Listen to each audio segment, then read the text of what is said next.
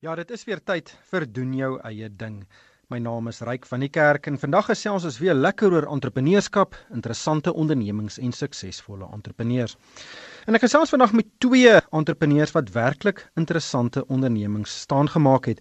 Die eerste is Ina Paarman, sy's natuurlik 'n huishoudelike naam in Suid-Afrika wat een van die grootste kosondernemings in die land besit en bestuur. Die onderneming was egter nie altyd so groot nie. Dit het in 1982 as 'n kookskool in haar motorhuis begin um, en die groei van daai besigheid is werklik 'n inspirerende verhaal. Ek gaan ook gesels met Vildou Steyn. Hy is 'n reeks entrepreneur wat tans een van die eienaars van die Top Paints winkel in Melville is um, en hy besit ook die Crispin Clean konsessie in Johannesburg. En ek gaan met hom gesels hoe een entrepreneur verskeie uiteenlopende ondernemings in verskillende sektore suksesvol kan bedryf en ek gaan ook met hom gesels oor die lesse wat hy al uit mislukte ondernemings geleer het. Nou eers gesels ek met Ina Paarman. Ina, welkom by doen jou eie ding. Jou besigheid is werklik baie bekend en jou produkte word reg oor die wêreld verkoop. Maar die besigheid het eintlik baie klein begin as 'n kookskool in 'n motorhuis en dit is nadat jy vir bykans 20 jaar lank 'n onderwyser en 'n dosent was Maar vat ons 'n bietjie terug. Hoekom het jy besluit jy wil eerder jou eie onderneming bestuur? Dankie, Ray. Wel, dit is eintlik my ma. My pa is baie vroeg dood en my ma moes uiteraard en en gaan werk en sy het toe later toe sy 56 is haar eie besigheid begin saam met twee vennote. En sy het vir my gesê my kind jy's te slim om vir die regering te werk. Begin jou eie ding. En sy gee dit vir my 4000 rand. Maar ek het werklik nie die vaagste benul gehad van hoe moeilik dit gaan wees om 'n besigheid van absoluut niks af op te bou nie. Met min geld om met amper geen staf om te help nie. En die die tyd en die omwenteling in jou hele lewe was skielik 'n geweldige aanpassing. Maar waar ek dink die voordele lê van om so moeilik te begin is daai harde lesse steek vas in jou DNA. En as die moeilike tye kom, is jy definitief meer voorberei om dit te hanteer. Maar R4000 was, soos jy gesê het, dit was min geld. As mens nou 'n uh, 'n uh, eenvoudige berekening maak, dan was daai geld omtrent vandag so tussen 40 en 50000 rand in vandag se geld. Hoe het jy uh, daai geld maak werk om 'n suksesvolle besigheid te begin? Uh, gelukkig het my man my uh, ondersteun en onderhou in die begin. En uh, dit was werklik broekskeer geweest. En uh, onthou ons het nie begin met produkte nie. Ek het begin met kooklesse. Die kooklesse het naderhand gewild geword as gevolg van aanbevelings en om my staf wat toe nou twee ehm um, deeltydse vrouens was besig te hou in die skoolvakansie as my studente nie klas toe gekom het nie het uh, ons begin om gegeurde seesout te maak sommer in 'n sinkbad en uh, later het ons begin om saaisous te maak met 'n gewone handmenger.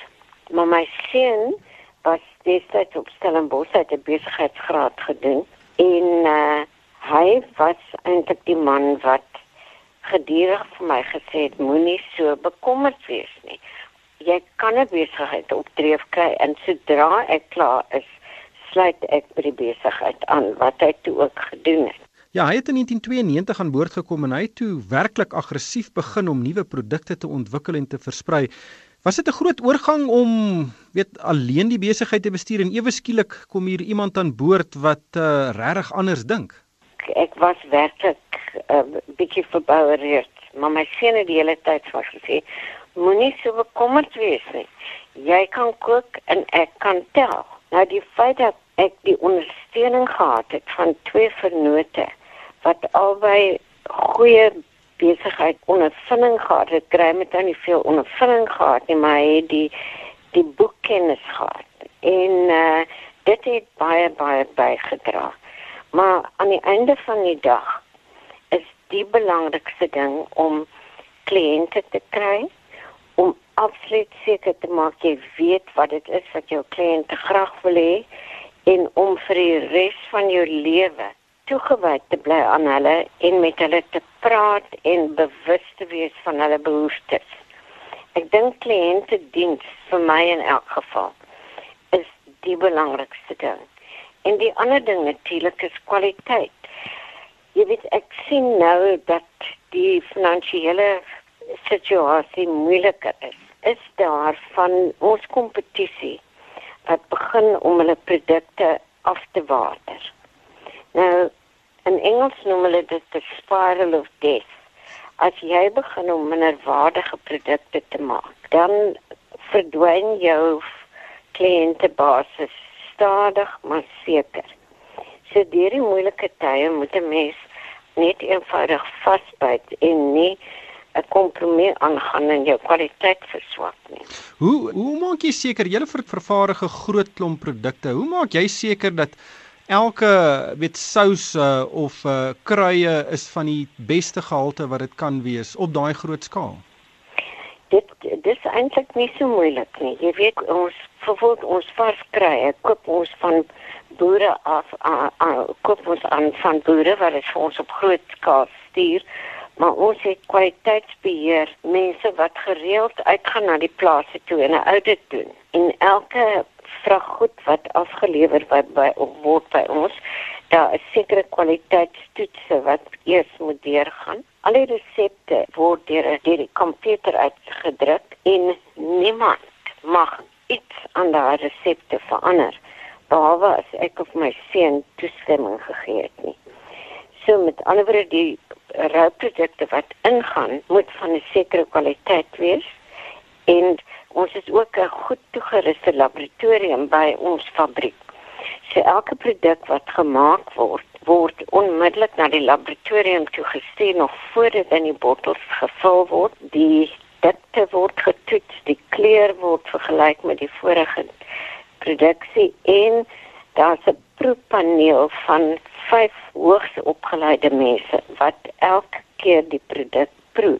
En of my seun of ek proe ook die produk en as dit eers daai toets deurgegaan het dan word dit in bottels verpak Een van julle grootste deurbrake was 'n kontrak by Woolworths. Vertel ons 'n bietjie van die kontrak. Hoe het julle dit gekry en uh, en en wat het daartoe aanleiding gegee? Jy weet destyds ek nou nog 'n kookskool gehad het, het die voedseldirekteur van Woolworths na my klasse toe gekom want hy het gevoel hy wil sy koskennis absoluut op hoogte hou. En uh, toe het hy so entoesiasties geraak oor die hele storie dat hy vir julle span gebring het toe nader hulle ons en sê ek kan ons nie vir hulle 'n Kersfeesreeks maak nie. En ek Wa Wanneer was dit? Dit was seker hier in 1989 rond. Maar ek ons het uiteraard nie fasiliteite gehad nie. Ek het net die kookskool gehad. Dis sê hy, maar moenie bekommerd wees nie ons sal vir iemand kry wat 'n fabriek het om vir jou die goed te maak as jy net vir hulle sê hoe om dit te doen. In elk geval ons gaan toe soontoe en ek het my dood geskrik toe ek sien die fabriek is nie skoon genoeg nie. Ek het sommer net 'n gevoel gekry hulle gaan kwaliteit afskaal en goedkope bestanddele gebruik en so aan. Maar ons het net maar deurgedruk daai eerste Kersfees en die goed het baie goed verkoop in Woolworths. Toe die volgende jaar wil hulle nou groter bestellings plaas. En dit is toe ons ons besluit wel, gaan ons nou aan met 'n kontrakvervaardiger of gaan ons ons eie ding begin. En Graham het toe nou ingespring en gesê kom ons begin ons eie ding. Maar, hoeveel produkte het julle aanvanklik aan Woolworths verskaf en hoeveel verskaf julle nou? Ons verskaf nog steeds baie produkte aan hulle. Ons maak omtrent al hulle slices en so aan. Maar toe het ons ook op 'n punt gekom wat ons gevoel het woord is te 'n groot deel van ons besigheid. Jy weet, 'n tafel wat op een been staan is baie gevaarlik. Ons het toe 'n kompromie met hulle aangegaan want aanvanklik was ons handelsnaam op die Woolworths produkte gewees. Toe het ons kompromie aangegaan dat hulle Woolworths se naam op die produkte sit, maar dan moet hulle ons toelaat om in die ander supermarkte ook te verkoop. En ons besigheid het nou vier stewige bene. Woolworths is seker omtrent so 15, miskien 20% van die besigheid. Ons eie handelsnaam is die grootste deel van die besigheid. Ons doen ook kontrakvervaardiging vir restaurante en dan het ons natuurlik nou die uitvoerbesigheid wat besig is om te groei. Ek was 1996 was ek en my vrou van in in Jerusalem van alle plekke op 'n um, Kersdag en ons het in 'n winkel daar ingestap en om weet 'n goed te koop vir 'n piknik.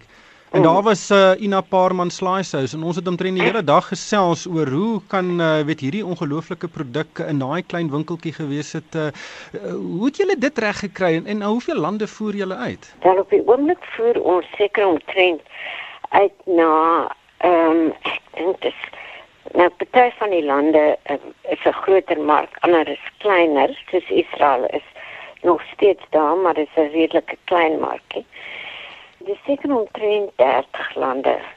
Maar jy weet, uitvoer is 'n gevaarlike ego-trip. Ons het in 1994 na uh, Nelson Mandela en die soort van ding het Suid-Afrika skielik the flavor of the month geword. En ons het begin om groot uitvoerbestellings uit Engeland te kry en almal was vreeslik opgewonde. Ons het meer staf aangestel, ons het 'n beter komputerstelsel geïnstalleer, ons het nuwe masjinerie gekoop. Maar 'n mens dink nooit dat die partytjie wel gaan ophou nie. Ongelukkig daai somer het hulle 'n verskriklike popnat koue somer in Engeland gehad.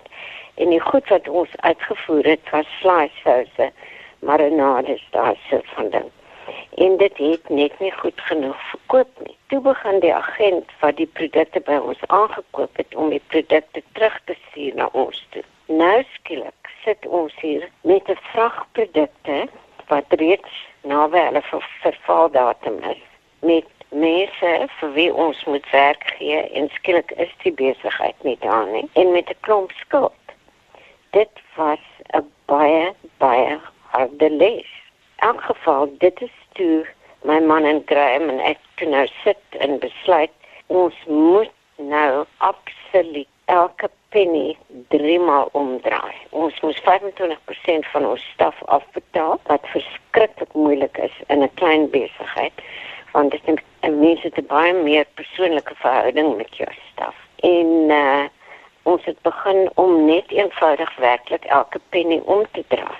Ongelukkig, jy weet, het dit nou of gelukkig het dit nou op 'n stadium van my seun se lewe gebeur toe hy nog baie jonk was. En dit maak 'n geweldige indruk op 'n mens. Dit verander 'n mens. Jy begin goed op 'n baie meer siniese en kritiese manier beskou.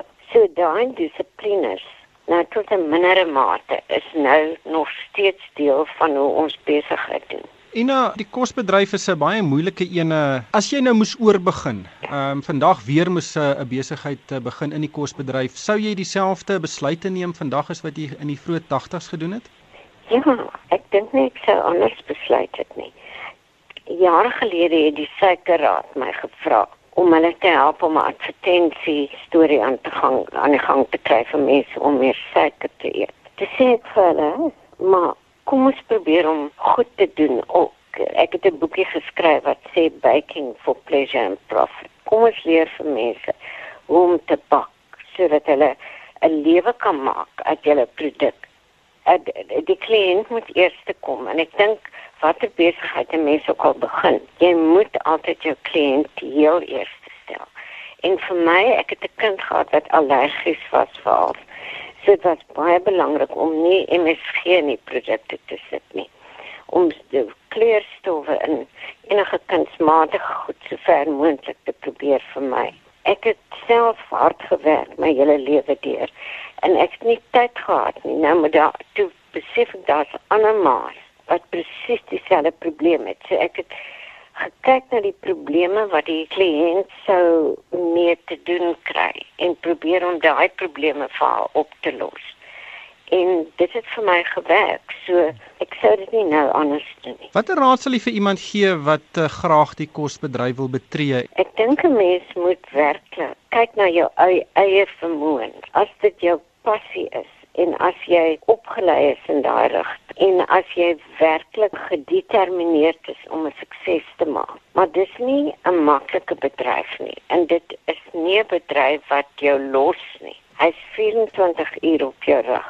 So jy kan nie iemand wees wie nou skielik 'n klomp erfgeld kry en nou dink, "O, oh, wel, ek gee baie lekker dinnerparties by die huis nie. Kom ons begin 'n kosbedryf." Dis heeltemal 'n ander storie. Dis dis 'n ernstige saak wat baie baie toewyding, tyd, energie en kreatiwiteit vereis. En en as jy mens te veel geld het om mee te begin, dan maak jy baie duur foute. Baie dankie Ina vir jou deelname vandag en alle sterkte met die met die toekomsplanne van van jou Ina Paarman besigheid. Baie baie dankie. Lekker om te gesels. Baie dankie. Dit was Ina Paarman. Sy is een van Suid-Afrika se grootste kosentrepreneurs en werklike bron van inspirasie vir enige iemand wat 'n onderneming wil begin. Ek gesels ook vandag met Vildo Steyn. Nou hy's 'n reeks entrepreneur um, wat 'n hele rit besighede besit, onder meer die uh, Top Paints winkel daar in Melville. Hy besit ook 'n uh, Crispin Clean konsessie in Johannesburg uh, wat 'n hele reeks droogskoonmakers uh, dienste lewer. Vildo, jy is 'n uh, geoktroeëerde rekenmeester en jy het lank in die koöperatiewe wêreld gewerk. Hoekom het jy besluit uh, hierdie koöperatiewe lewe is nie vir my nie, ek wil my eie onderneming hê? Ryk is eintlik 'n baie eenvoudige antwoord. Dankie vir die uh, vir die geleentheid. Ek het net besluit ehm um, ek het my eie konsultasie besigheid gehad vir 'n ruk en baie van die huis af gewerk. My kinders, ek het drie seentjies. Hulle het baie gewoond geraak aan die idee dat pa by die huis is. My vrou is 'n sielkundige en werk ook van die huis af. So ek doen hierdie vir 'n eintlik 'n baie ander rede as eintlik net 'n uh, materiële redes. Ek doen dit eintlik omdat ek by die huis wil wees, naby my kinders. 'n Lekker leefstyl. Le en dis 'n leefstyl besluit gewees. Maar volde wat baie interessant is is dat jy 'n hele rits besighede al begin en, en meeste van hulle in heeltemal verskillende bedrywe. Nou die teorie sê vir 'n mens skoenmaker hou jou by jou lees. Uh, wat beteken as jy kennis dra of ervaring het in 'n sekere bedryf, bly daarbey. Uh, Moenie gemoeilikheid soek op ander plekke nie. Maar vir my lyk dit as jy 'n geleentheid sien, dan spring jy. Dit maak nie saak watter bedryf dit is nie. Ja, Ryk, ek dink nie ek is eintlik 'n uh, klassieke entrepreneur nie. Ek is nie 'n ou wat um, ek is nie die Bill Gates tipe wat die wêreld wil oorneem nie. Ek is 'n uh, is wie gesê maar geskool in die in die in die in die reken rekeningkunde. My reis het begin by eiendom uh in die in die 90s met 'n lang ompaadjie geëindig by 'n restaurant en 'n gastehuis, uh betrokke geraak my eie konsultasie besigheid. Wanneer jy konsultasie doen natuurlik raak jy uh sien jy so verskillende uh, ander besighede en diverse uiteenlopende verskillende besighede en uh almal van hulle prikkel my. Ek is 'n ou wat van enigiets interesseer my. Ek is nie noodwendig een soos jy sê 'n skoenmaker wat my by een lees hou nie. As 'n geleentheid interessant lyk dan uh, dan dan probeer ek hom vat. Tans is jy en jou vernoot uh, betrokke by 'n verwinkel en ook by 'n droogskoonmaker besigheid. Uh, hoe hoe hoekom die twee? Die die antwoord daar is ook eintlik baie eenvoudig. Weer eens, die primêre rede is omdat ons dit in ons eie ons noem dit ons village in Melville, ons eie uh, naby ons huise en ons skole kan kan hê. Maar ook om ons ons het gevoel beide daai produkte uh, of dienste is ehm um, weet basiese goedere. Jy weet, verf is ons is 'n duur produk, dit is so, maar ehm um, weet kan rain of shine en geen om wat die ekonomie doen nie. Mense moet maar hulle huise verf. Onderhoud moet gedoen word. Skoonmaakdienste veral in daai area van ons, ehm um, droog skoonmaker en wasserye so aan is 'n gesogte diens. En natuurlik 'n derde ding wat ons nou mee afskop is is is om vars produkte uit te voer na Swaziland toe waar ek ook 'n bietjie ervaring opgedoen het. Hoe, hoe maklik is dit vir een persoon om in sulke verskillende bedrywe uh besighede te hê? Ehm um, het jy dieselfde vaardighede nodig? Ehm um, kan iemand wat byvoorbeeld suksesvol is in 'n verwinkel ook suksesvol uh, 'n uh, handel dryf in Swaziland deur met varsprodukte daar te verkoop? Ek dink die antwoord is deels ja. Uh uh meeste van die toebehore of tools wat jy nodig het as 'n as 'n besigheidsman is maar amper dieselfde, né? Daar's daar's uh, besighede gaan met dieselfde ding. Jy verkoop 'n produk teen 'n sekere prys aan 'n sekere klomp mense. Uh maar sekere bedrywe soos uh, finansiële bedrywe waar ek betrokke was, daar betrap mens nou van lisensies en regulatoriese vereistes, dan maak dit dinge weer moeiliker. So wanneer dan is dan is dit belangrik dat jy die regte vennote het wat saam met jou daai game speel. Uh in Swaziland byvoorbeeld in 'n vreemde land, dan jy mense nodig wat die plaaslike omgewing ken. Maar ja, kyk uh ja, so ek dink of jy nou widgets verkoop en of jy nou verf verkoop en of jy nou lekker goed verkoop by 'n winkel op die hoek is dieselfde ding. Jy weet, jy het 'n produk, jy het 'n prys, jy het 'n of 'n diens en jy en jy verkoop dit aan 'n mark. Het jy al enige mislukkings gehad ondernemings wat net eenvoudig nie gewerk het nie? Ja, ag nee, kyk, ek het nou 'n paar van hulle gehad en en en en gelukkig lesse uit daai uit uitgeleer. Ek en my uh, vorige vernoot of hy's nog steeds my vernoot in 'n in ons eiendomsbesigheid. Ons het ons wou kyk hoe werk hierdie Google Play ding. Hoe kry mense 'n speletjie op 'n selfoon? Want dit lyk of dit baie maklik is om geld te maak daar. Uh, ons het 'n een eenvoudige speletjie uitgedink en hom laat maak deur 'n klomp uh, IT ouens in Indië en mense kan dit vandag nog steeds download op Google Play. Al probleem is net um, uh, ons verwagting vir hoeveel ons gaan verkoop is nie naaste by dit wat ons ingesit het nie. Ek dink soos ons vandag hierso sit, het omtrent 10000 mense wêreldwyd die speletjie afgelaai, maar net 50 van hulle het betaal daarvoor. So ehm um, my 50 euro wat iewers in 'n bankrekening in Europa is, sit is nie ehm um, is nie naaste by genoeg om die ontwikkelingskoste van daai speletjie te dek nie. Maar dit het ons baie geleer van hoe werk uh, die online weet mark. Sonkrag het ons bietjie meer gepeter. Dis 'n moeilike model, is groot kapitaal wat betrokke is en die syfers is baie dun jy kan maklike fout maak.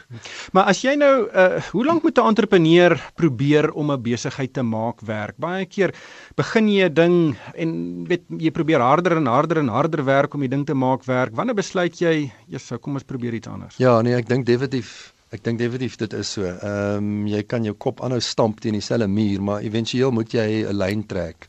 En ek dink dit hang van persoon tot persoon af. Wat waar trek jy daai lyn? Is dit 'n is dit 'n 'n tydlyn? Is dit jou tyd, hoeveel van jou effort moet daar ingaan en en raak jou familie ongelukkig? Is dit 'n geldelike lyn? Sê jy as ek soveel gemaak het en ek maak dit nie oor 6 maande is my geld nog nie terug nie, dan stop ek. Maar jy moet definitief bereid wees. Ek to take the loss, né, nee, as Engelsman sê. En en te sê weet jy wat net nie gewerk nie. Wat se les het ek geleer? Kom ons try weer. Kom ons vat iets anders.